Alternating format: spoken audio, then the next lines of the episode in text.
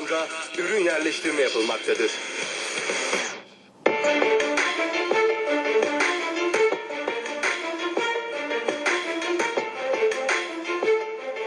Sevgili Lig Radyo dinleyenleri hoş geldiniz, sefalar getirdiniz. Ben Erkeç Ümer, e, Majör Ligler programında sizlerle birlikteyim. Tekrar Efe Özenç ile birlikteyiz. Gene gündemimizi e, biraz daha basketbola çevireceğiz ve Bryant'ı konuşacağız. Roland e, Lazenbay'ın yazmış olduğu kazak, e, kazanmaya odaklı bir karakter kitabı üzerinden yola çıkıp aslında Kobe Bryant'ı konuşacağız. Kitaptan bağımsız da aslında Kobe Bryant'ı konuşabiliriz. Kitap ben bilmiyorum Efe ile burada e, biraz fikir birlikteliğimiz yok ama ben kitabı ne olursa olsun gene beğendim. Çeviri dışında yani e, bugüne kadar biz Efe ile galiba 6 kitap bitirdik. Bu 7. kitabımız Efe ile. Yani 7 kitap arasındaki en detaylı kitap bu. Ne olursa olsun bilmiyorum katılacak mı Efe. Efe bu arada hoş geldin. Hoş bulduk. Merhabalar öncelikle. Ben şunu söyleyeyim. Kitapla alakalı benim çok az sıkıntım var. Gene atladığı, bence bu kadar hacimli bir kitap içerisindeyken verilmesi gereken ama verilmeyen detaylar var. Çünkü Kobe Bryant'ın tarafını anlatmış. Yani onun aleyhinde olan şeyleri de çok fazla kullanmamış veya bence hikayenin daha böyle anlatı yönüne etki edebilecek güzel detayları oraya eklememiş. Biz burada konuşmaya gayret göstereceğiz Ya bir açıkçası. de kitap söyleyeyim. 2017 yılında çıktığı için aslında üzerine de yani Kobe Bryant'ın vefatı öncesine kadar olan ara dönemde de yaşanan çok enteresan olaylar da var. Yani işte e, kazanmış olduğu Oscar'dan tut da e, hani kişisel hayatındaki girişimci ruhunun e, nereye gittiğine kadar olan bir kısa dönem de var. Aslında bu adam 40 yaşında hayatını kaybetmiş olmasına rağmen hani bazı bazen şunu söyleriz ya dolu dolu kıl- 40 yıl. Hakikaten dolu dolu 40 yıl yaşamış da bir adamı yani 600 sayfaya sığdıramayacağım bir hayatı var. Yani nereyi kestikleri ne yaptıklarını şimdi konuşuruz ama Efe Özenç'le birlikte bera, e, birlikteyiz bu arada. Ya 600 sayfaya bence alabilecekleri şeyi almışlar gibi düşünüyorum ben. Ben şunu söyleyeyim. Bu bahsettiğimiz ilginç detaylar, ufak nüanslar en fazla bir iki sayfa daha yer tutardı ama ben de mesela şu anda 50-60 dakikalık yayında Kobe Bryant'tan nasıl ve ne kadar bahsedebiliriz? Onun endişesi içerisindeyim şimdi. Yanlış olmasın. Kobe Bryant'ı konuşmak demek en az 2 saat, 2,5 saat bütün noktalarına değinerek bir şeyleri, birilerini belki de eşsiz addedilebilecek birisini anlatmak demek. Ama haksızlık olmasın kitabın içerisinde de Oscar ödülü aldığı macera var finali yaptığı, işte son maçına çıktığı vesaire. Bunlar da anlatılmış. Sıkıntı kitabın tercümesinde çok fazla yeknesaklık bulunmuyor. Yani bazı yerlerde bazı terimleri çok güzel kullanmış, bazı yerlerde sanki başka biri çevirmiş gibi. Hani bu acaba parça parça yapılıp dağıtıldı mı, ondan sonra mı toplandı? Ya biraz mesela o hissiyat var ama. Efe bilmiyorum katılacak mısın? Şimdi ben kitabı çok önceden okudum. Açıkçası bu program öncesinde de ilk defa bir kitabı seninle konuşurken hızlı okumadan da geçirmedim ama sanki çok böyle önceden toplanmış hani şey hazırlarsın ya bitirme tezi hazırlarsın ve oradan alırsın, oradan alırsın, oradan alırsın. Sonra bir temel oluşturursun ve makaleni bitirmeye başlarsın. Bu biraz öyle bir kitap. Çünkü çok fazla ara başlık var. Yani başlıkları var, bir de ara başlıkları var bu kitabın. Ya kitabın formasyonu ve hazırlanışını tabii ayrıca bir konuşuruz. Geçişleri vesaire. Fakat kitabın çevirisinde biz hep sıkıntı olduğunu söyledik. Ben hatta yayın evinin yetkilileriyle görüştüm. Enteresandır. Kitap ilk çıktığı zaman çevirmenini kitap fuarında yakaladım. Ben de o zaman ed- editör olarak çalışıyordum ve işte Mart Çılgınlığı kitabının yanılmıyorsam ilk baskısını yapmıştık henüz. Orada kendisiyle görüştüm. Bana imzalı verdi. Ben dedim ki bakın içinde daha ilk dakikada hatta arka kapağında çeviri hataları görüyorum. Bana kendisi demişti ki bu benim ilk basketbol çevirim. Hanımefendiyle konuşmuştuk ve Hani hatalar varsa lütfen bize söyleyin. Ben daha sonra yayın evinin bizzat kendisiyle Frankfurt Kitap Fuarı'ndayken görüştüm. Ya bakın ikinci baskı olursa biz ev bunu düzeltelim. Vesaire. Çünkü Kobe hakkındaki tek kitap ve daha sonrasında Kobe'nin kendi yazmış olduğu Kuşe Kağıda basılı bir otobiyografi vardı. İşte Phil Jackson'ın ön sözüyle Paul Gasol'un yazmış olduklarıyla yayın evi olarak biz onu çıkarmayı çok istedik fakat aşırı derecede masraflıydı. Görsellere ayrı ve aynı ebatta çıksın istiyorlar. Dergi ebadında çıksın istiyorlar. Bu yüzden ne yazık ki kalmıştı. Madem öyle dedik ligin yani bizim ülkemizdeki tek eser buysa bize çevrilmiş. Bunun da doğru düzgün bir çevirisi kalsın. Bazı yerlerde fena değil. İngilizce kullanımı da, basketbol terminolojisi vesairede bazı yerlerde ise çok kötü. Dolayısıyla bu bizi hayal kırıklığına uğratıyor. Bu kadar önemli değilsin. Tek kaynak lütfen biraz daha kaliteli olsun gayesi var. Peki tek kaynağın eleştirisini aslında yapmış olduk. Çünkü zaten bizim de aslında bu programda amaçladığımız şey e, biraz da kitap okunsun gayesindeyiz. Böyle işler yapılıyor. Biz de bu işlerden beslenen taraftayız ve hani hem işin eleştiri tarafını hem de bundan beslenme tarafını yapıyoruz ve kitap eleştirisini de yapmış olduk. Aslında son iki Efe Özenç kitap e, ve otobiyografi ya da biyografi sohbetlerinde kitap eleştirisini biraz kenara atmıştık. Bu da iyi oldu açıkçası. Efe ile o zaman e, Kobe Bean Bryant'da başlayalım. Yani adının geliş hikayesinden tut, babasının basketbolcu olması ve Avrupa'da da basketbol kariyerine sahip olması adamı çok özel bir noktaya koyuyor ama yani nasıl başlayalım, nasıl başlamak istersin? Ben de açıkçası senin kadar ım, soru işaretleri barındırıyorum. Çünkü bu adamın hayatında belki birçoğumuzun hayatında birçok plan vardır ama bu adamın hayatında spor olacağı, basketbol olacağı çok belli. Yani yeteneğin bir tık altında kalsa ya da tahmin edilen yeteneğinin bir tık altında bile kalsa orta seviye bir basketbolcu olabilirmiş. Aileden gelen yetenek ve kodlamadan ötürü sanki. Ne dersin? Şöyle söyleyelim. Tabii ki bu çok doğru bir saptama bence de. Zira dayısı mesela biz babasının eski bir NBA oyuncusu olduğundan bahsederiz. Fena da değildi. Uzun yıllar oynadı. 8-10 yıl kadar. Dayısı John Chubby lakaplı John Cox. O da NBA'de çok kısa bir süre yer aldı ve onun da oğlu hem Venezuela asıllı olması lazım bir açıdan da. Hem Venezuela'da babası oynarken. Galiba Venezuela. Efe galiba Venezuela. Evet. Yani çift vatandaşlığı var ve orada hani yani hasbel kadar bir basketbolculuk kariyerini sürdürüyor. Burada mesele Kobe'nin basketboldan uzak kalamayacak olması. Çünkü o babası Philadelphia'da oynarken dünyaya geliyor. Daha sonrasında San Diego'ya gidiyorlar. Hemen arkasından Houston'a, oradan İtalya'ya. İtalya'dayken hatta dedesi ona maç kasetlerini gönderiyor. Basketbolu seyretsin ve öğrensin, alışsın Hatta diye. Jordan'ın özellikle kasetlerini istediği ve Jordan hareketleri üzerine çalışmaya başladığı o galiba kitapta yazıyordu. Bir yerde yazıyordu. Onu hatırlıyorum. Tabii ve ortaokul, lise dönemlerindeyken mesela İtalya'da olmalarına karşın henüz Amerika'ya dönmedikleri fasıldan bahsetmek lazım. Yazın Amerika'ya gidip oradaki yaz liglerinde kamplarda falan oynuyor. Uzak kalmıyor. Dahası o dönemlerde Avrupa basketbolunda İtalya'da bilhassa NBA'ye dair gösterilen en ağ baba unsur Lakers, Showtime Lakers, Magic Johnson ve Kareem Abdul-Jabbar önderliğinde. Dolayısıyla kendisinin de hem en çok gördüğü hem de en çok belki de idol olarak benimsediği iki isim hem Michael Jordan bir yerden tabii neticede 91'de onlar geri dönerken de Amerika'ya Jordan ilk şampiyonluğunu kazanmıştı. Stil olarak birbirlerine çok benzeyecekleri o dönemlerden belki belli oldu. İkincisi de Magic Johnson. Lakers'lı olmak, Lakers'ın en fazla tanıtılan takım olması o dönemde dışarıya pazarlanan takım olması. McDonald's turnuvalarına tıpkı işte Boston Celtics'in mesela şampiyon hangi takımsa o sene o takımın gelmesi ve Avrupa takımlarıyla maç yapması. Bunlar önemli etkiler doğuruyor. Ama Kobe'nin kariyerinde şöyle başka bir durum da var.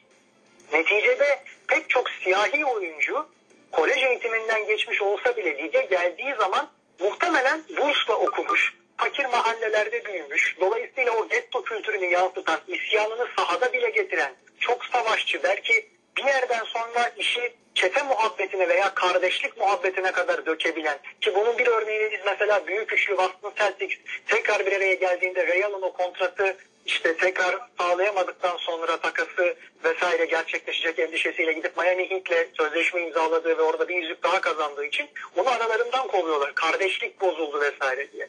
En süper yıldız zihniyetli isimlerde bile böyle bir bakış açısı var. Kobe Bryant'ta bu yok.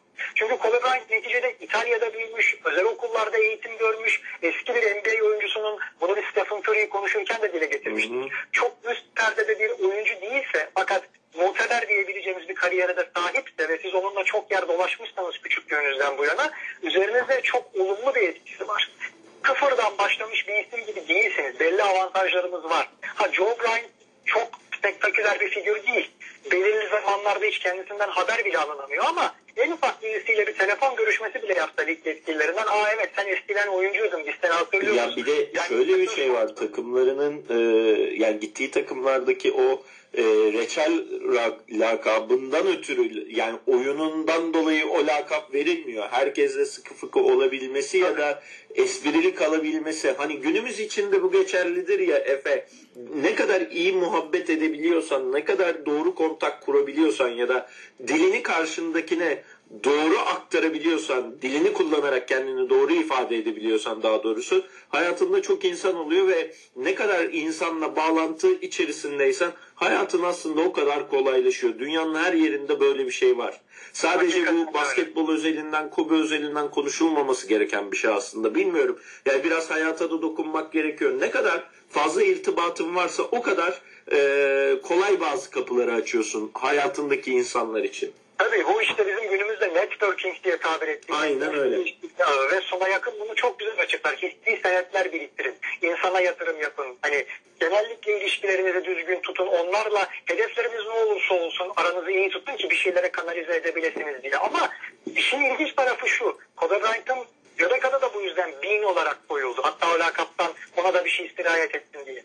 İşin sakıncalı yanı Kobe Bryant kariyerinin son birkaç yılına kadar hiç böyle bir isim değildi. O kadar ters tepmiş ki ne yazık ki. Ama bunun da sebepleri var. Az evvel bahsettiğimiz o getto kültüründen gelmemek, savaşmamak, belki hani survivor dediğimiz sağ kalıpta NBA'ye kapağı atabilmiş olmayan bir isimseniz diğer oyuncular arasında saygı görmeniz çok kolay olmayabiliyor. Kobe Bryant da bunun bilhassa da tecavüz davasının gündeme geldiği zamanlarda çok sıkıntısını yaşadı. Bir kimlik bunalımı ortaya çıktı. Bütün manşetler şuydu. Kim aslında bu Kobe Bryant? Gerçekten Sana bir şey söyleyeyim mi Efe? Çok güzel bir yere geldin. Sözünü balla kesiyorum. Geçen akşamlarda bir e, internet canlı yayınında şunu söyledim. Sana da sorayım.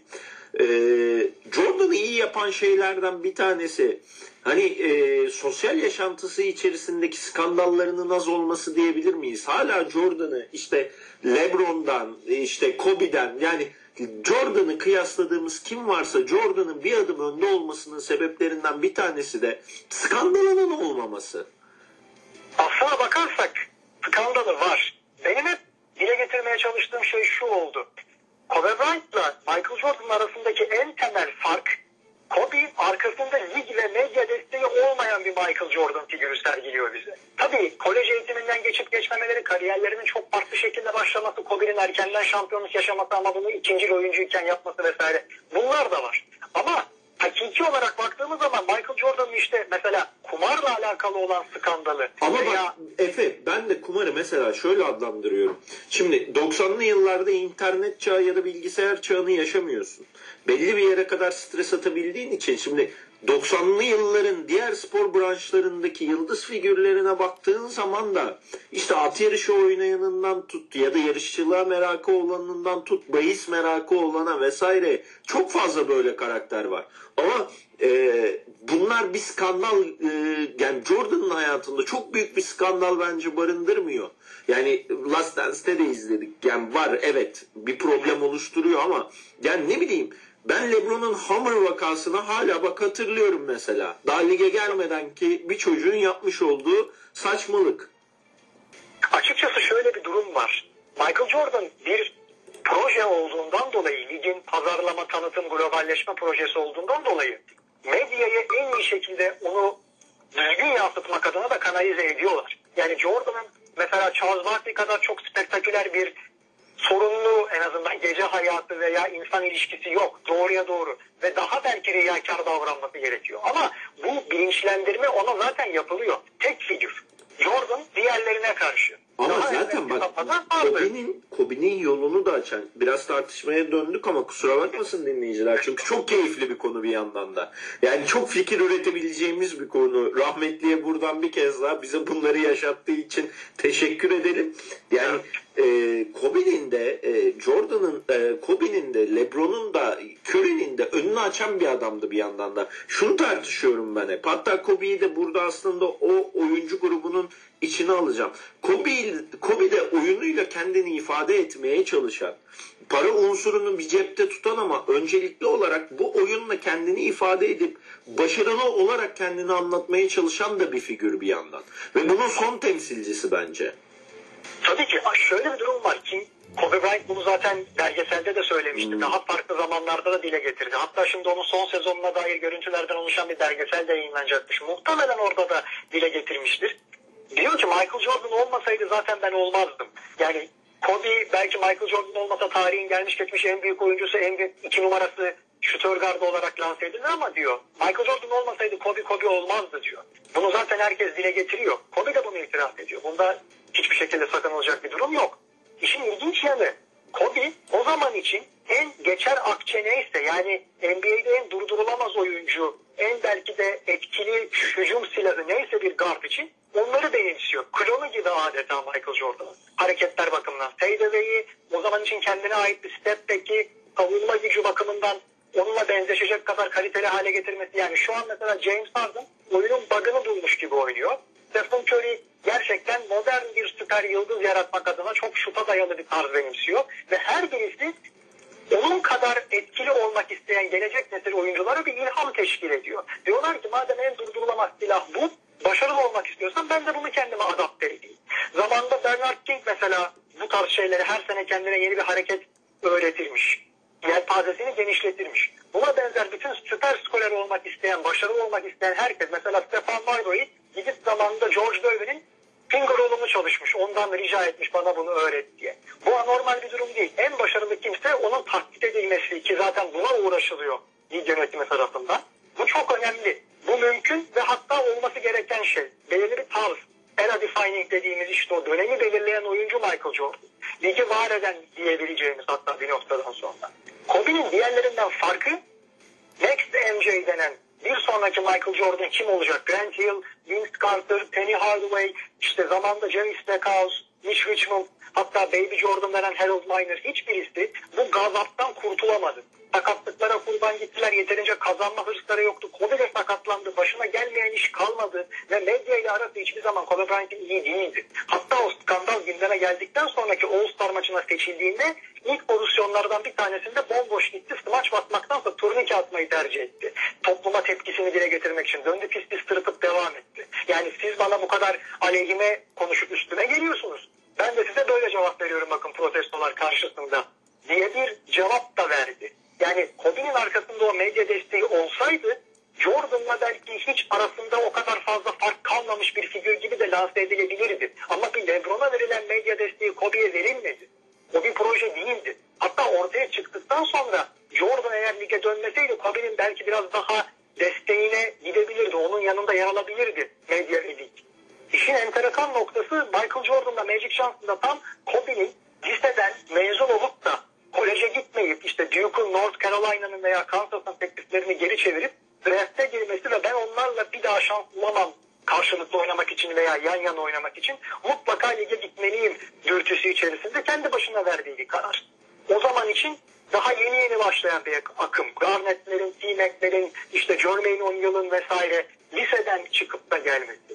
NBA'in beklediği bir şey değildi bu. Jerry West dışında belki kimse bu kadar fazla onun üstüne düşmüyordu. Philadelphia'da Brad Greenberg bizim basketbol severlerimiz yakından hatırlayabilir. Çünkü ülkemizde de çok görev aldı.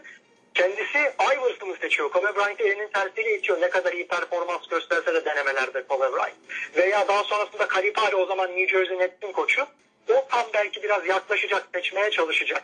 Anlaşıyorlar ailesiyle. Fakat Art Dallon'ı menajeri yaptığı ismi Jerry West devreye sokuyor. Kobe Bryant'a menajer olarak onu tayin ediyor ve Art Dallon ikna ediyor John Calipari. Diyor ki Kobe Bryant İtalya'yı çok seviyor. Seçilse bile ilk başta orada oynama isteği var. Dolayısıyla onu seçerseniz belki öyle bir yatırım yapmış olursunuz. Bu sene doğrudan faydalanamazsınız diye kandırıyor. Onlar da gidip Marlboro'yu seçiyorlar.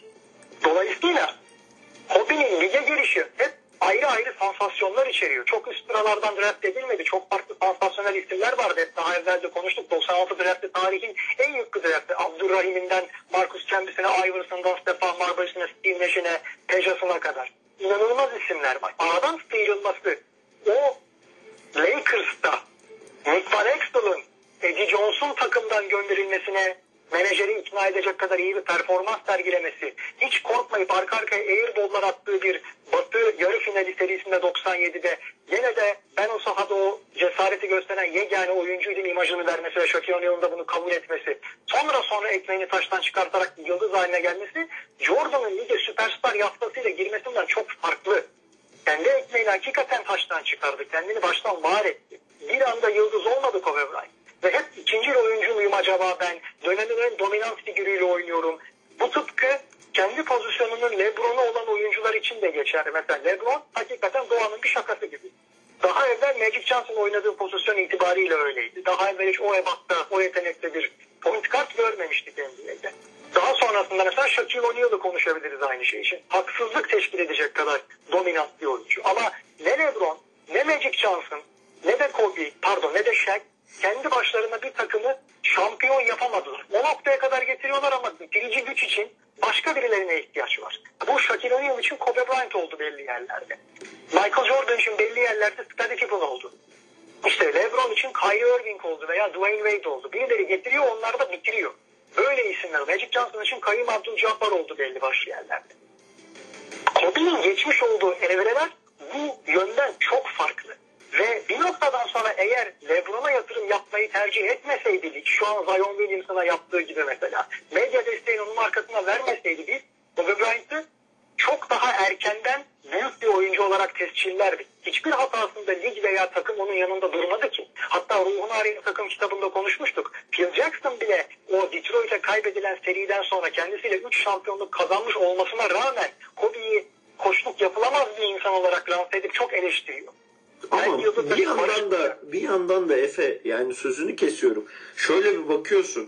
E, çok uy, yani e, topluluğa uyacak, toplumun hareketleriyle birlikte toplulukla hareket eden, etmeye çalışan bir adam da değil. Toplumu kendine uydurmaya çalışan bir adamdan bahsediyoruz Kobe özelinde. Küçüklüğünden bugüne hep kendi bildiğini yapmaya çalışan, kendi doğruları üzerinden giden de bir adam bir yandan da. Yani draft öncesinde de hikayelerinde hep aynı şeyi görüyoruz ya. Bireyselcilik. Kobe'nin bu çok seyahat eden bir ailenin evladı olmasından doğan, yalnızlığı özümsemiş olmasından dolayı hani e, böyle bir adam olduğunu düşünüyorum.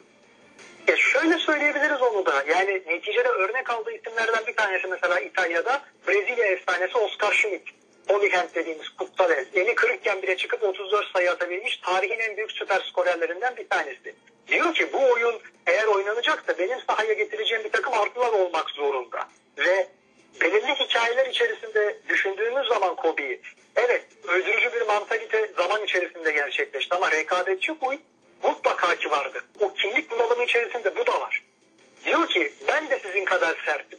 Ne olur beni de aranıza alın. Beni de hor görmeyin. Kolej bebesi olarak vesaire veya işte iyi yerlerde eğitim almış, düzgün bir ailede büyümüş. Bu yüzden soft, yumuşak kaçan, asabi olmayan birisi değilim ben diye. Otobüsünün arkasında tek başına oturmalar, takım arkadaşlarıyla muhabbet etmemesi, işte Shaquille O'Neal'la iyi geçinmemesine rağmen Shaq ve ben her gece o canımızı ortaya koyup 40 sayı atıyoruz. Diğerleri de böyle yapsın vesaire gibi basına demeç vermeleri, takım kimyasını bozan hareketleri, cool takılmaya çalışması, yalnız kurt gibi. Bunlar belirli dönemlerde imajını çok zedeledi Kobe Bryant'ın. Ben de kariyerinin başlangıcında en azından bir Iverson kadar sevmezdim. LeBron'a duyduğum antipati gibi Kobe'ye de antipati duyardım. Ne zaman ki o büyüklüğünü ispat etti, o noktadan itibaren hele bir de yokluğunu biz görünce ne kadar büyük bir figür ve gerekli bir yıldız olduğunu ligin kalitesi açısından da pazarlama stratejisi açısından da ne kadar önemli bir isim olduğunu fark ettik. Jordan'da durum böyle değil. Jordan bizi alıştırdı. Üç defa emekli oldu neticede. İki defa geri döndü. Üç defa emekli oldu ve her kariyer evresine biz tanıklık ettik. Şimdi Kobe'nin şöyle enteresan bazı noktası, noktaları da var. Tarihin gelmiş geçmiş en büyük oyuncularında ilk beşe girer muhtemelen. Lakers tarihinin gelmiş geçmiş en büyük oyuncusu konsensus var bu konuda. Shaquille O'Neal da aynısını söyler. Kayin'de, Magic Johnson'da ligde 20 yıl oynayabilmiş tek takımı falan demiyorum. Ligde 20 yıl oynayabilmiş tek guard. John Stockton bile 19 sene dayanabilir. Niye bu önemli? Gardlar çok erken tükenirler. Enerjileri vesaire sebebiyle. Uzun oyuncuları görebiliriz 20 yıla dayanan. Şimdi Vince Carter bu rekoru egale etti. 42 yaş. Adam bırakmıyor yani olmuyor. Adam nasıl bir tutkuyla bağlıysa oyuna bırakmayacağım ben diyor. Ve hiç kimse Vince Carter'ın adam düşünmez. Yani kariyer başındaki sakatlıkları, umursamazlıkları muhtemelen o da erkenden emekli olur gider. Hoş bir sada olarak kalır. Yani, Yani şeyi düşünüyorum ben hani e, New Jersey'de yaşamış olduğu hayal kırıklığı sonrasında bir daha oyuna bu kadar e, açlık duymaz diye düşünüyordum ama adamda bitmek tükenmek bilmeyen hani madem şampiyon olamadım lig, ligde oynayan en uzun oyuncu olacağım ben dedi galiba. Yani başka bir açıklaması yok. Şimdi daha ilginç bazı durumlar var. Büyük oyuncuya evrilmek, güzel yaşlanmak Vince Carter'ın enteresan hani sıfatlarından bir tanesi. Atletik oyuncu olarak başlayıp pasörlüğü geliştirip veteran şutör olarak e, kariyerini noktalayacak canım Vince Carter. Yani tanımlaması bu herhalde. Tabii yani bu zaten atletik oyuncuların pek çoğu Jason Richardson'ından bilmem kaç tane farklı örneğine kadar hatta Julius Erving'ine kadar. Ama Jay Rich- atletizminin dışında da Barry kardeşler gibi yani şut tarafı zaten ağır basan da bir adamdı. Yani Jay E, Carter da öyle. Aynen. atletizminin yanında hep iyi bir şutu vardı. Ama birçok atletik oyuncu sonradan şutör olmuştur. Hani Vince Carter da onların son örneği. Yani Jordan da temelde baktığımız zaman yaşlandığında belki sadece şutörlüğe evrilen hatta Kobe de kariyerinin son 1-2 senesinde sadece spot up shooter dediğimiz topu getirmek zorunda kalmayan bitiricide yer alan bir isime evrilmişti. Ama şimdi Carter'ın herhangi bir şekilde sırf şampiyonluk yüzüğü kovalamak adına en minimum maaşla bir takıma kapağı atma düşüncesi yoktu. Hiç olmadı. Şu an bunu istese belki o soyunma odasına getireceği artılar sebebiyle veya veteran minimum sebebiyle bir takım onu isteyebilir şampiyonluğa oyuna. Onun derdi böyle olmadı. Ray Allen'ın bile emeklilikten tekrardan geri dönüp Golden State'le minimum imzalayacağı falan konuşulduğu bir evrede Vince Carter'ın da Jamal Crawford'ın da mesela hiç böyle bir gayesi olmadı. Ben gerekirse genç oyunculara gider bu oyunu öğretirim. Onları başarıya taşıyan baba figürü olurum gayesini güttüler. Bu daha evvel final oynamamış vesaire falan değil. Batı finalini, Doğu finalini oynamış isimlerden bahsediyoruz. Carter gibi bir, isimden konuşurken. İstese bunu yapardı. Veya işte Kobe Bryant mesela zamanında ligin sayı krallığını almak için Kevin Durant'i geçmesi gerektiği vakit 2010 ya da 11 olması lazım. 38 sayı atması lazım son maçta sadece. Bunu daha evvel yapan isimler vardı. İşte George Gervin'le David Thompson'ın çekişmesi vardı 70'lerin sonunda veya en yakından bildiğimiz örnek David Robinson'ın 71 sayı atıp da Shaquille O'Neal'ı o krallıkta geri bırakması 95'te. Kobe bunun peşinden gitmedi. Kobe mesela 81 sayı attığı maçın öncesindeki o 62 sayılık Dallas performansında da asistan koç Brian Shaw diyor ki girip devam etmek istiyor musun diye Phil Jackson soruyor 70 sayıya ulaşacak mısın? Elgin Baylor'ın rekorunu kırmaya çalışacak mısın? Başka zaman yaparım sorun değil diyor.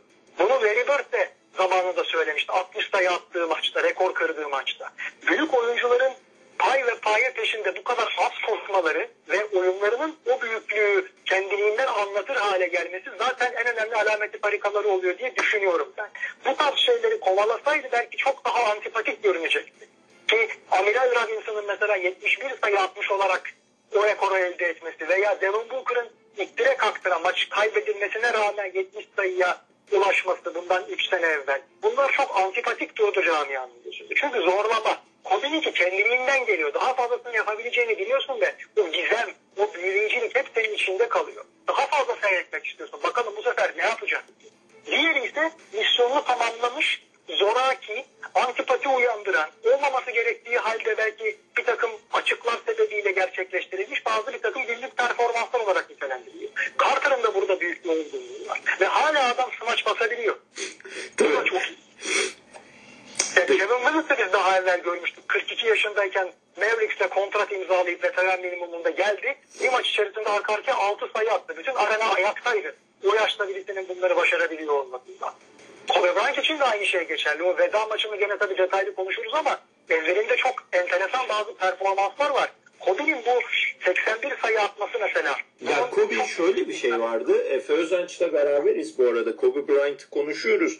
Yani bazı özel oyuncular vardır. İstediği zaman istediği e, sayıyı atabilir. İstediği kadar sayıyı atabilir. Hele bir de Kobe Bryant gözüne bir rakip kestirdiyse ve o rakibin e, açığını bulduysa işte altını çizeceksin. 81 sayılık e, Toronto maçı.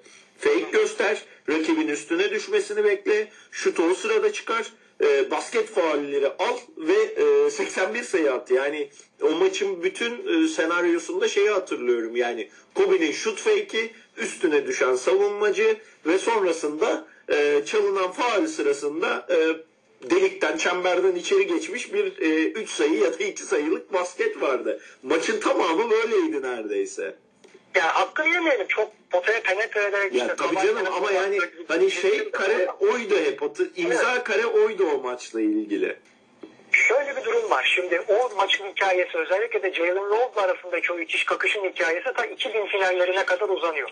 2000 finallerinde Indiana ile Lakers karşı karşıya gelirken Kobe'nin işte ilk şampiyon olacağı zaman çok belalı bir Portland serisinden güç bela çıkmışlar. Karşılarında basketbolun en sert halini oynayan, en bilinçli halini oynayan yetenekli bir Pacers takımı var. Ve Jalen Rose adeta Bruce Bowen'ın yaptığı bir şey yapıp ikinci maçta Kobe şuta kalktıktan sonra yere inerken ayağının altına kendi ayağını koyuyor ve Kobe'nin bileği burkuluyor. Üçüncü maçı kaçırıyor. Ama dönüp dördüncü maçta tam bir intikam alırcasına inanılmaz oynuyor. Hatta Shaquille O'Neal da yanılmıyorsam altı faulle oyun dışı kalmıştı. Tek başına maçı alıyor Kobe Bryant.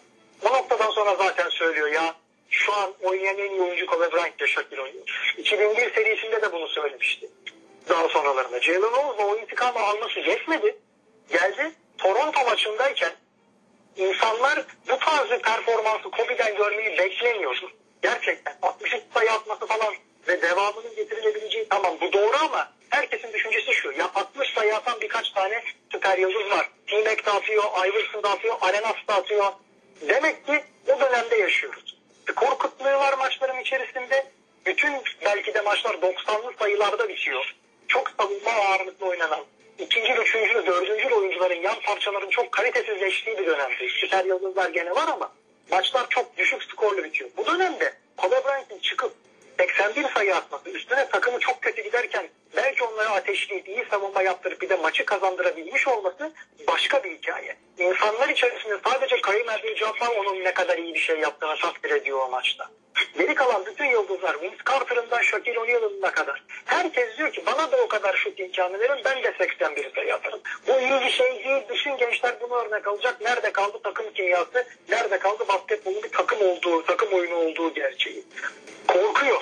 Gerçekten korkuyor. Kobe Bryant nasıl bir şey yapacak diye. Çünkü planlarında Lebron'un sürüklemesini bekledikleri bir lig var. Onun bir an şampiyonluğa ulaşmasını istedikleri bir ortam var. Kobe Bryant buna zamanının bad boys'u gibi şer düşen bir performans sergilemeye başlıyor. O takımı playoff'a sokuyor 7. sıradan. 6. sıradan olsa belki daha etkileyici olur ama 7. sıradan playoff'a sokuyor. Phoenix karşısında 3-1 öne geçiyorlar ki MVP'de Steve Nash olduğu halde. 3-1 öne geçiyorlar. Sonra takım arkadaşları papır papır dökülüyor. 6. maçta Kobe 50 sayı atmak zorunda kalıyor. Gene de kazanamıyorlar. 7. maçta da artık ikinci yarısında anlıyor ki takım hakikaten değmez o çabaya. İkinci yarısında sadece 3 adet şut deniyor. Bu yüzden de çok eleştiriliyor. 3-1'den veriyorlar o seriyi.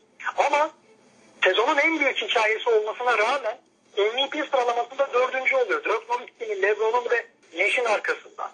Daha sonrasında mesela 62 senesinde Oscar Robertson triple double ortalamayla bitirdiğinde Will Chamberlain 100 sayı attığında maç başına 50.4 sayı ortalamasıyla oynadığında ikisi de MVP'yi alamamıştı. MVP Bill Russell'a gitmişti. Bu iki vaka sebebiyle Russell Westbrook tekrar triple double sezonunda bulunduğu zaman ödül belki de biraz hani iade itibar olması sebebiyle bir özür sebebiyle Harden'a değil ona gitti. Yani sezonun hikayesine verildi. Charles Barkley'in MVP ödülünde veya Karl Malone'un içinde olduğu gibi sezonun hikayesine. Kobe'nin büyüklüğünü şuradan konuşalım. Aynı gece o 81 sayı attığında Seattle'la Phoenix'in arasında dehşet bir maç oynandı. Şimdi o gece yaklaşık 10 maç oynandı yanlış hatırlamıyorsam. Evet 10 maç oynandı ve o maçların hiçbirisi yüksek skorlu değildi.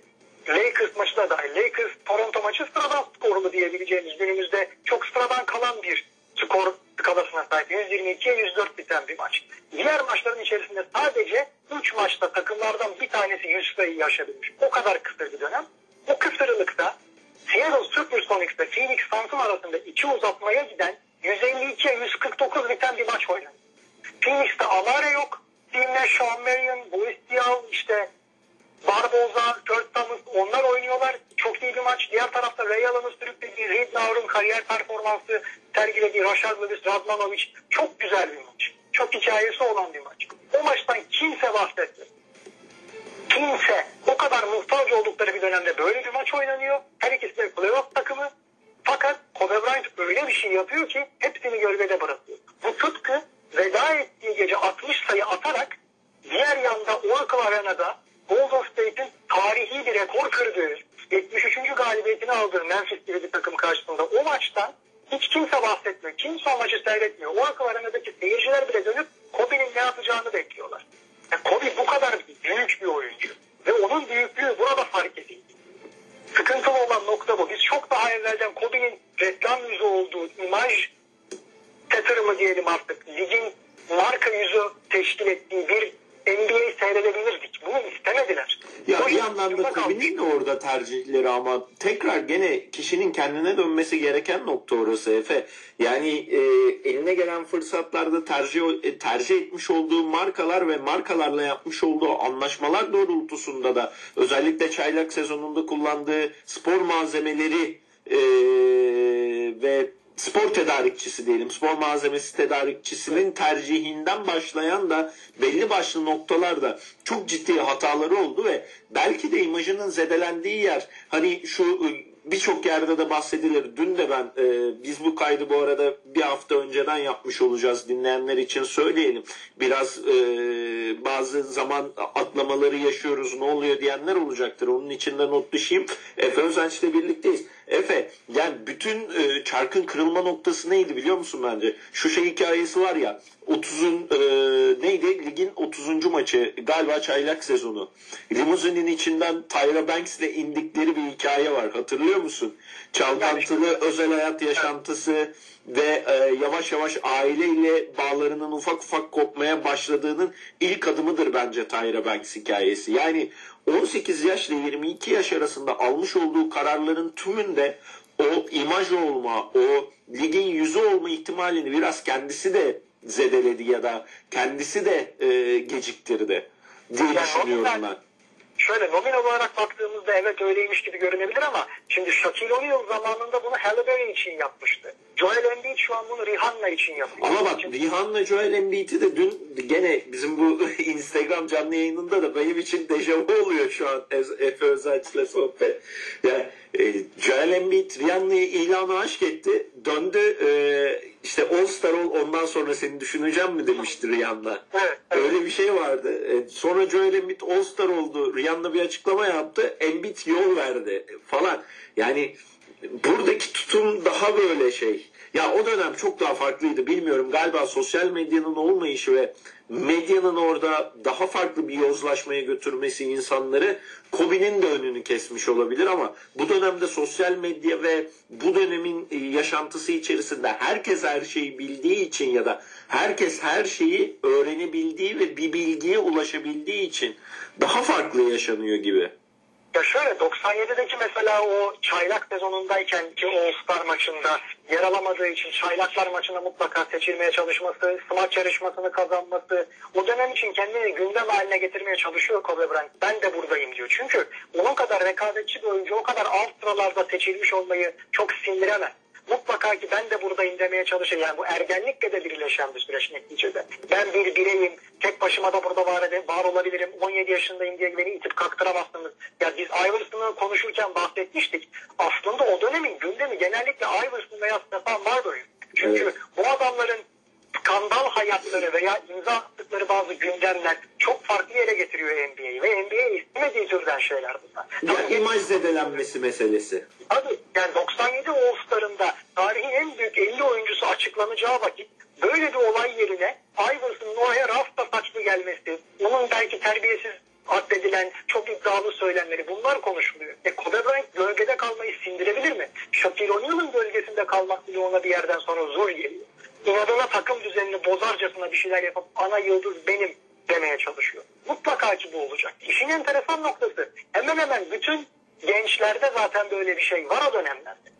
Sıkıntılı olan nokta bir menajer desteğiyle veya ligin yönlendirmesiyle bunlardan nasıl sıyrılacağına dair bilinçlendirme yapılmaması. Yani arkasında durulmaması derken bundan bahsediyorum. Konuşacağımız nice süper yıldızın kendine az çok ciddi skandalları vardır. Gün yüzüne çıkmaması NBA'in başarısıdır. Kobe'de böyle bir durum yok. Hatta şöyle bir durum var.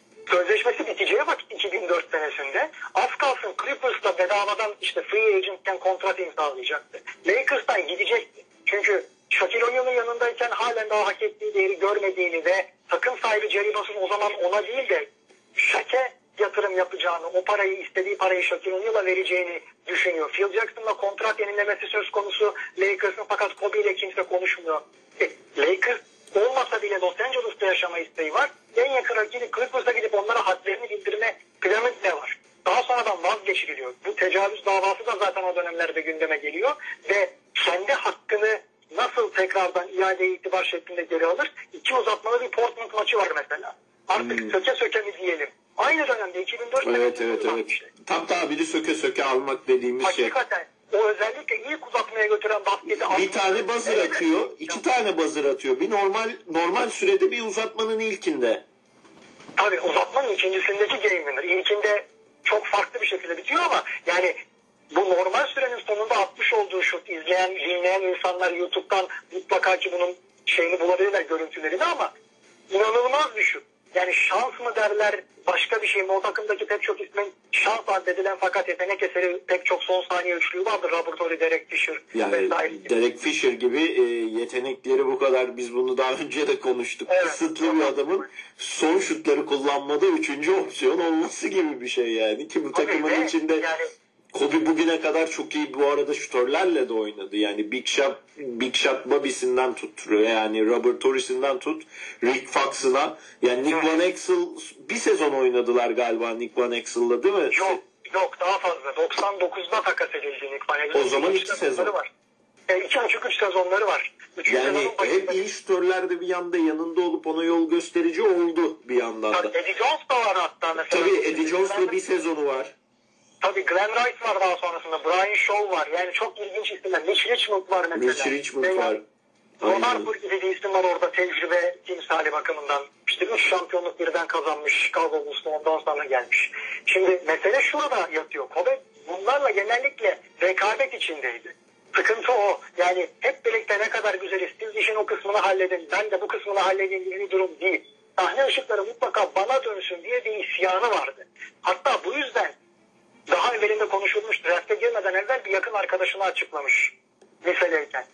Ben eğer West söz verdiği gibi beni seçerse Van Exel'ın da Eddie Jones'un da takımdan gönderilip takımın benim üzerine kurulması için gereken her şeyi yapacağım. Bu konuda West sıcak baktı konuştuk kendisiyle. Arkadaşı da diyor ki ya Eddie Jones iki defa All-Star o zaman. Nick Van Exel oyunun en iyi point kartlarından bir tanesi son saniyelerde de genellikle iyi clutch performansları sergiliyor. Çok da önemli bir üçlükçü o dönem için. Bunları gönderip sen nasıl bu halinde bu kadar kolay söyleyebiliyorsun, dile getirebiliyorsun? Veya daha evvelden işte draft söz konusu olacağı zaman takımlarla görüşme yaptıklarında şöyle isimler gündeme geliyor. Antoine Walker, Kentucky ile şampiyonluk kazanmış. Çok yüksek sıralardan seçilmesi beklenen bir isim. Ben ondan daha iyiyim, beni ondan yukarıda seçin diyor. Kale Kamat başarı kazandı, fark etmez. Uzun vadede ben çok daha iyi bir oyuncuyum ondan diyor. Bu kadar özgüvenli konuşuyor. Keniki dozlu bir tek belki tamam diyor onu seçerseniz darılmam. Ben de evvel benden yukarıda diye ama Keriki Dost'ta sakatlıklar vesaire sebebiyle hiç o seviyeye erişememiş bir isim olarak kaldı o draft'ten. İşin ilginç noktası tekrar şuraya dönelim. Kobe onları bertaraf edin takımı benim üzerime konun benim etrafıma parçaları yerleştirinci bir isim. Şimdi Kyrie Irving'de de biz bunu görüyoruz çünkü örnek aldığı isim temelde Kobe Bryant veya baktığımız zaman işte Jason Tatum, Devin Booker, Donovan Mitchell biraz daha güne, bugüne uyarlanmış isimler zihniyet bakımından ama ben Kuzma'da açık açık takımı benim etrafıma kurun tarzı bir tepki gördüm. Tabii ki öyle bir yeteneğe sahip değil şu an için. Ama hobiden böyle gördüler. Veya Carmelo da bu konuda kötü bir örnek aslında. Ama Carmelo'nun da hakikaten abi figürü olarak benimsediği isim Kobe Bryant'tı. Hatta Denver'dan New York'a takas olacak mı dedikoduları All Star'da konuşulduğunda canlı yayında Kobe şey dedi. Melo'ya mikrofon tuttuklarında bench'te oturuyorlardı. Şu an abisi onun bu konuda konuşmasını yasaklıyor. Rahat bırakın Melo'yu. Açıklama yapmayacak dedi şakayla karışık. Bu kadar da kanatları altına almıştı o dönem içerisinde. Kendi tarzına benziyor çünkü. Isolation, bitirici, takım arkadaşlarına pas verme konusunda çok çekingen çünkü onlara güvenmiyor. Bunu Jordan da yaşamıştı belli bir dönemde. Ama belki de geçişi doğru koşula daha mümkün oldu çünkü bir kolej eğitimi almıştı. Dean Smith'te, North Carolina'da. Buna adapte olması daha kolay. Kobe ise ben en üst kalitedeyim siz de bana layık olmak için kendinizi geliştirin. Hadi siz de çalışın derdinde. Onları o seviyeye taşıma derdinde değil. Jordan onları o seviyeye döve döve de olsa taşıyordu gördük. Kobe böyle bir figür olduğu için belki kendi başına kaldığında başarısı çok gecikti. veya doğru parçalar gelmediği sürece takımı mesela şöyle kıyaslayalım. Jason Kidd veya LeBron çok vasat bir kadroyu finale kadar taşıyabilen isimler. Kobe'de böyle bir durum yok. Çünkü taşıyıcıdan ziyade bitirici olmaya çalışıyor ve etrafındaki geri kalan isimlerin de diğer işleri yapmasını istiyor. Mesela Yannis de Kobe'ye çok düşkün bir isim. Ama Yannis böyle davranmıyor. Çünkü her çok farklı bir noktada Efe. Yani hani yeni dönem basketbolu ben de eskiye nazaran daha az takip eden biri olarak hani en basitinden şunu söyleyeyim. Yannis kadar komple bir adam bir daha bir 10 yıl içinde daha gelmez. Yani LeBron'un hegemonyasında geçen bir son dönem görüyoruz ama e, dünya basketboluna gelmiş en komple adam Yannis olabilir. Tabii ve şöyle bir durum da var. Bunu da parantez içinde söyleyelim. Tarihe geçsin en azından bir kayıt olarak. Yannis biraz daha şutunu geliştirirse NBA bitmiştir. Yannis biraz daha şut atı yani şut yüzdesini yüzde on yukarıya çektiği zaman hani e, biz bahis tahminleri vesaire verdiğimiz zaman Yannis oynuyorsa ve yüzde yüz sağlıklıysa e, Milwaukee'ye bir oran bile açmayabilirsin. Öyle söyleyeyim sana yani. Yani Yüzde çok on bak acayip. yüzde on şut ritmini yüzde on istatistiğini şut istatistiğini genel şut istatistiğini yüzde on yukarıya çıkarsın lig bitmiştir. Lig biter yani kapatır gideriz o kadar büyük görüyorum herifi. Tabii tabii. Ve yani Yannis'in mesela Kobe ile özel olarak çalışıp bunları geliştirdiğini de biliyoruz. Kobe'nin ona bir hedef belirlediğini, ya bu sene MVP'yi alacaksın hadi bakalım diye bir hedef koyduğunu. Ne yazık ki bunu göremedi. Bu ödülü kazandı. Mamba mentality. Aynen öyle ve ne yazık ki Hall of Fame konuşmasını yapamayacak kaza sebebiyle. Bu da çok büyük bir ukdedir içimizde ama en azından Shaquille O'Neal'la arayı düzeltmişlerdi canlı yayında. Ve şunu mesela konuşmak lazım. Kobe Bryant'ın bir takıma getirdiği o yenilmezlik olgusu kendisini en rahat olimpiyat takımlarında hissettirdi. Tabii. 2006'da ve daha evvelinde mesela 2000'de gelebilirdi evlendiği için gelmedi. 2003-2004 dönemindeyken sakatlık sebebiyle gelemedi. 2006'da gene sakatlık vardı gelmemeyi tercih etti bu yüzden riske etmedi. Mesela Real'ın da gelmiyordu. T-Mac de gelmiyordu uzun süredir. Ama 2006'da yaşadığı o büyük çöküş diyelim en azından ve 2004'teki o mağduriyeti Amerika milli takımının 2008'de bütün yıldızları ikna edin de gelsinler biz tekrardan dünyanın bir numaralı basketbol ülkesi olduğunu ispatlayalım herkese olduğumuzu ispatlayalım bir gaye vardı. Böyle bir endişe vardı. Burada Kobe Bryant'ı mutlaka kadroda görmek istiyoruz dediler. Jason Kidd'i görmek istiyoruz dediler. Ve özellikle 2008 olimpiyatlarında İspanya az kalsın yiyecekti Amerika'yı. Çıkıp son periyotta maçı alan isim Kobe Bryant'tı. Ve tabii Dwayne Wade'in savunmadan çok iyi bir şekilde katkı yani iyi savunmasıyla çaldığı topları hızlı hücumla getirmesinin de payı vardı burada. Hakkını yemeyelim ama LeBron, Carmelo, Chris Paul vesaire bu tarz isimlerin durduğu yerlerde Kobe çıktı ve maçı aldı. Altın madalyayı getirdi. Redeem Team dedikleri iadeye itibar takımını bir numaraya taşıyan isim orada. Hatta Wade şunu söylüyor. Ya sen Kobe Bryant'sin. Elini kolunu sallayarak oynasan bile muhtemelen zaten kazandıracaksın bize maçı. Hala sabah biz idmana geldiğimizde sen çoktan kalkıp idmanını bitirmiş oluyorsun. Ben diyor o anda Kobe Bryant'ın niye en büyük oyuncusu olduğunu o ligin anladım ve kendimden utandım. Benden kaç yaş büyük adam halen kalkmış deli gibi çalışıyor sabah. 5'te kalkıp 7'de 8'de idmanını bitiresiye kadar çalışıyor. Diğerleri daha yeni idmana gelmiş oluyor. Bu kadar farklı bir oyuncu. Yani bu isme siz bunları sonradan yükleyemezsiniz. İçinde olması lazım. Gerçekten. 2012 madalyasında da aynı şekilde pay sahibi. Orada anlaşılıyor zaten Kobe'nin ne kadar işleri değiştirebilecek kadar büyük bir yıldız olduğu. Mesele burada yatıyor. Fakat bunun kıymetini ne kadar bildi? Muhtemelen son senesine kadar bilemedi. Çünkü bir pazarlamadır ligin içerisinde yer alan strateji. Neyi nasıl göstereceksiniz? Bunun en önemli etkisini nerede biz gördük? 2011'de Chris Paul takası olacağı zaman bu dönemlerde işte tıpkı Clippers'ın başkanı gibi Hornets'ın da başkanı bir yani nasıl söyleyelim istismar, cinsel istismar skandalıyla gündeme gelmişti. Suçlu bulunmuştu ve takım bir moratorium gibi lige teslim edildi. Lig yönetimine. Orada bütün zaten takaslar lig yönetiminin olayından geçmek zorunda ama kendi atadıkları Delden genel menajer olarak atıyorlar o takımın başına. O menajerin yapmaya çalıştığı ve aslında temelde New Orleans'ı tam bir playoff takımı potosuna sokacak parçaların ekleneceği o takımı veto ediyorlar. Niye veto ediyorlar? Kimse bu kısmı konuşmuyor. Çünkü mantıklı bir açıklaması yokmuş gibi. Chris Paul eğer o takımdan ayrılırsa o takıma bir potansiyel alıcı bulamazlar. Bilet sattıracak hot shot denilen o önemli yıldız isim marka yüzü olacak olan franchise oyuncusu Chris Paul o anda. Sonradan Anthony Davis'le ya şimdi Zion Williamson da aynı muameleyi görüyor. Takım el değiştirecekse Esed dediğimiz varlıklarının içerisinde mutlaka ki böyle bir süperstar figürü olması lazım diyorlar. Orta kalibredeki isimlerden ne kadar başarılı bir takım çıkartırsanız çıkartın bile tattıramazsınız gayet. E peki Lakers'a gitmedi. Sonra niye Clippers'a gönderildi? Birincisi en temelinde muhtemelen Kobe'nin daha fazla zirvede yer almasını istemiyordur. Lebron'a yatırım yapmaya tercih ediyorlardı. İkincisi Lebron'la ikisi henüz finalde karşılaşmamışlardı ki hiçbir zaman karşılaşamadılar. Muhtemelen o dönem içerisinde takımın satışa çıkamayacağı, bir alıcı bulamayacağı anlaşıldı. Ve dediler ki tamam Chris Paul'u elden çıkartabilirsiniz bir sıkıntı yok. Çünkü zaten serbest kaldığı zaman muhtemelen çok büyük bir markete, pazara gidecek. Yani New York'a gidecek, Chicago'ya gidecek veya Los Angeles takımlarından bir tanesine gidecek.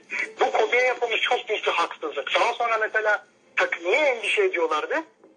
Elde kalan tek parça sakatlığa meyilli bir Bynum. Bunu da Dwight Howard'la takas ederler. Draft seçimlerinde oraya yollarlar. Ve lig süper takımlardan geçilmez bir hale gelir. Çok ilginç. Daha evvel 2008'de sanki büyük üçlü orada oynamamış gibi bastığında veya 2010'da The Decision vakası yaşandığı zaman LeBron ve Chris Bosh zirvedeki 3 tane yıldız en iyi dönemlerinde bir araya gelmeyi tercih etmemiş gibi bütün kabak Chris Paul'un başına patlıyor. Saçma sapan bir durum. E daha sonra Dwight Howard geldi ama Bynum bile başarılı olamadı. Nash geldi ama sakattı. Talihsizliklere kurban gittiler. Veya Bynum'u Jason Kidd karşılığında sakatlama gibi bir söylenti vardı. Bu da olmadığı için Kobe çok fazla lanet etti kendi takım yönetimine.